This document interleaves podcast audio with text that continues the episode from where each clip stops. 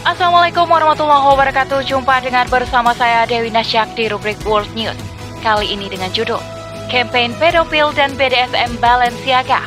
Eksploitasi anak sampai kapan beranak pinak? Oleh Fitria Zakiatul Fauzia. Inilah yang terjadi pada anak. Anak dianggap sebagai mesin pencetak uang atau komoditas yang dapat menjadi jalan meraup keuntungan materi.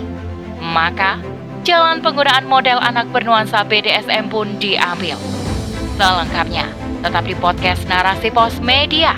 Narasi Pos, cerdas dalam literasi media, bijak menangkap peristiwa kunci.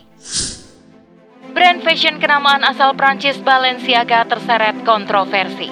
Balenciaga menampilkan iklan untuk promosi koleksi Spring atau Summer 2023 dengan memperlihatkan model balita perempuan memegang boneka beruang yang mengenakan aksesoris BDSM seperti kalung choker dengan aksen spike dan harness yang terbuat dari bahan kulit. Iklan yang menampilkan anak kecil dengan objek berasimilasi seksual itu bukan satu-satunya kontroversi Balenciaga. Dilansir Insider, Balenciaga sempat mempublikasikan kampanye musim liburan atau holiday dengan tema kontroversial, yakni potret seorang model anak memegang boneka beruang yang lengkap dengan busana bernuansa BDSM.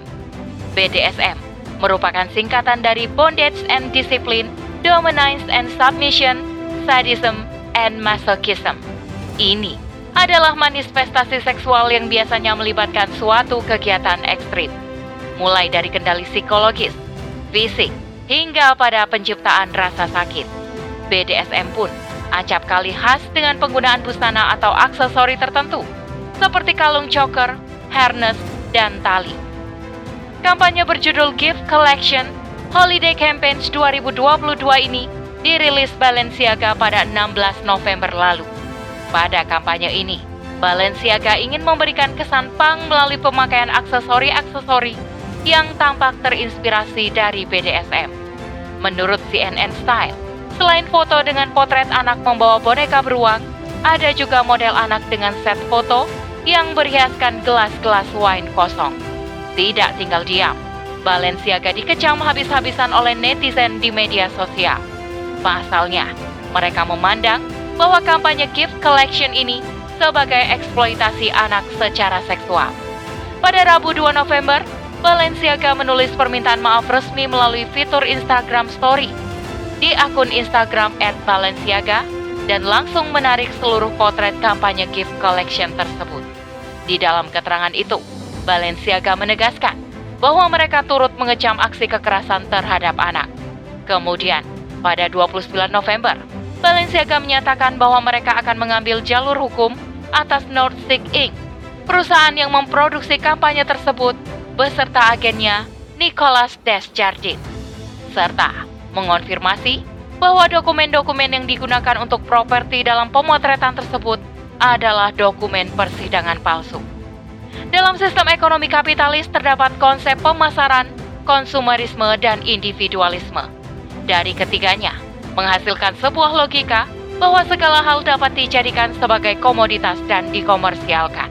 Inilah yang terjadi pada anak. Anak dianggap sebagai mesin pencetak uang atau komoditas yang dapat menjadi jalan meraup keuntungan materi. Maka, jalan penggunaan model anak bernuansa BDSM pun diambil juga. Padahal, Indonesia sendiri pada pasal 76I Undang-Undang 35 tahun 2014 yang menyatakan setiap orang dilarang menempatkan, membiarkan, melakukan, menyuruh melakukan, atau turut serta melakukan eksploitasi secara ekonomi atau seksual terhadap anak. Namun, kasus yang sama tetaplah terjadi. Sebab, pandangan bahwa anak sebagai komoditas terus menguat seiring dengan berkembangnya zaman, baik dalam aspek lifestyle, yakni barang-barang branded, anak-anak ditarik sebagai daya jual dengan mengunggulkan nuansa seksualitasnya.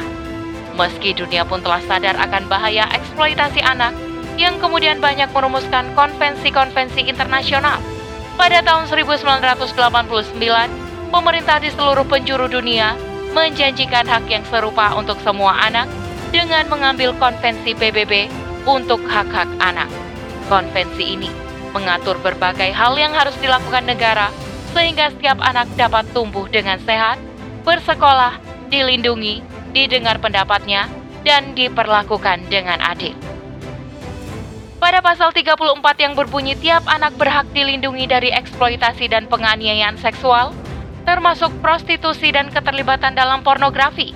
Sedang pasal 36 menyebutkan tiap anak berhak dilindungi dari eksploitasi dalam bentuk apa pun yang merugikannya. Namun, pada faktanya, semua upaya mereka gagal, sebab penyelesaian yang ditawarkan hanya terus berputar pada penanganan problematik dan membiarkan faktor utama masalah, yakni sistem kapitalisme tetaplah ada. Indonesia dan dunia butuh solusi mengakar yang dapat menghilangkan eksploitasi anak dan tidak membiarkan adanya celah sedikit pun untuk eksploitasi dengan cara anak dijadikan sebagai model iklan yang bernuansa BDSM dengan tujuan apa pun, yakni diterapkannya syariat Islam dalam tatanan kehidupan bernegara. Anak merupakan generasi penerus bangsa yang harus dilindungi. Anak adalah tanggung jawab bagi orang tua, keluarga, sekolah, masyarakat, maupun negara. Siapa saja yang mendapatkan amanah, maka kelak di akhirat akan dimintai pertanggungjawaban. Oleh karenanya, amanah anak ini wajib dijaga dan dipelihara dengan mencurahkan segala daya dan upaya. Dalam Islam, bentuk penjagaan terhadap anak ini dapat dilakukan secara efektif dengan kerjasama dari berbagai pihak. Pertama, orang tua atau keluarga sebagai ruang yang paling dekat dengan anak. Ia bertanggung jawab untuk memastikan kesehatan mental, fisik, serta rasa aman dan nyaman. Misalnya, orang tua yang seharusnya melindungi dan memiliki kewajiban untuk memberikan pengasuhan terbaik, justru mengabaikan dan melakukan kekerasan, kejahatan, bahkan eksploitasi pada anak. Kedua, sekolah dengan lingkungan masyarakat juga bertanggung jawab untuk melindungi anak dengan memberikan edukasi dari sisi konsep hidup bersama yang penuh rasa kasih sayang. Sekolah dapat secara formal mengajarkan akidah dan syariat kepada anak, sehingga memahami antara kewajiban dan pertanggungjawaban atas setiap amal perbuatan mereka. Sementara itu, lingkungan masyarakat bisa menjadi ruang belajar informal yang dapat menjadi teladan bagi anak untuk menerapkan sila ukuah, menyeru pada kebaikan, dan mencegah kemungkaran.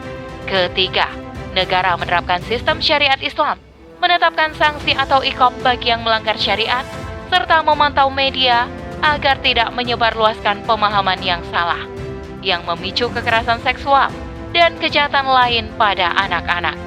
Bahkan, negara juga berkewajiban untuk menjamin kesejahteraan rakyat, sehingga mereka tidak perlu mengeksploitasi anak untuk kepentingan materi belaka. Sebagaimana sabda Nabi, dari Abu Hurairah radhiyallahu anhu, Allah berfirman yang artinya, ada tiga golongan yang aku akan menjadi lawan mereka pada hari kiamat kelak, yaitu seorang yang bersumpah dengan menyebut namaku, kemudian ia berkhianat, seorang yang menjual seorang yang merdeka, kemudian memakan hasilnya. Hadis riwayat Muslim. Dengan gabungan dari ketiga pihak inilah, maka akan terwujud tempat yang aman dan nyaman untuk melindungi anak-anak generasi terbaik harapan umat yang akan melanjutkan perjuangan dakwah untuk tegaknya peradaban Islam. Namun, kerjasama ini tidak akan tercipta apabila orang tua atau keluarga, sekolah dan lingkungan masyarakat serta negara tidak berfungsi menerapkan sistem Islam secara menyeluruh. Dengan demikian, mari berjuang bersama untuk menegakkan syariat Islam demi terwujudnya negara yang benar-benar mampu memberikan perlindungan dan pemeliharaan terhadap anak. Wallahu a'lam bishawab. Demikian rubrik World News kali ini. Sampai bertemu di rubrik World News selanjutnya. Saya Dewi Nisjak undur diri. Assalamualaikum warahmatullahi wabarakatuh.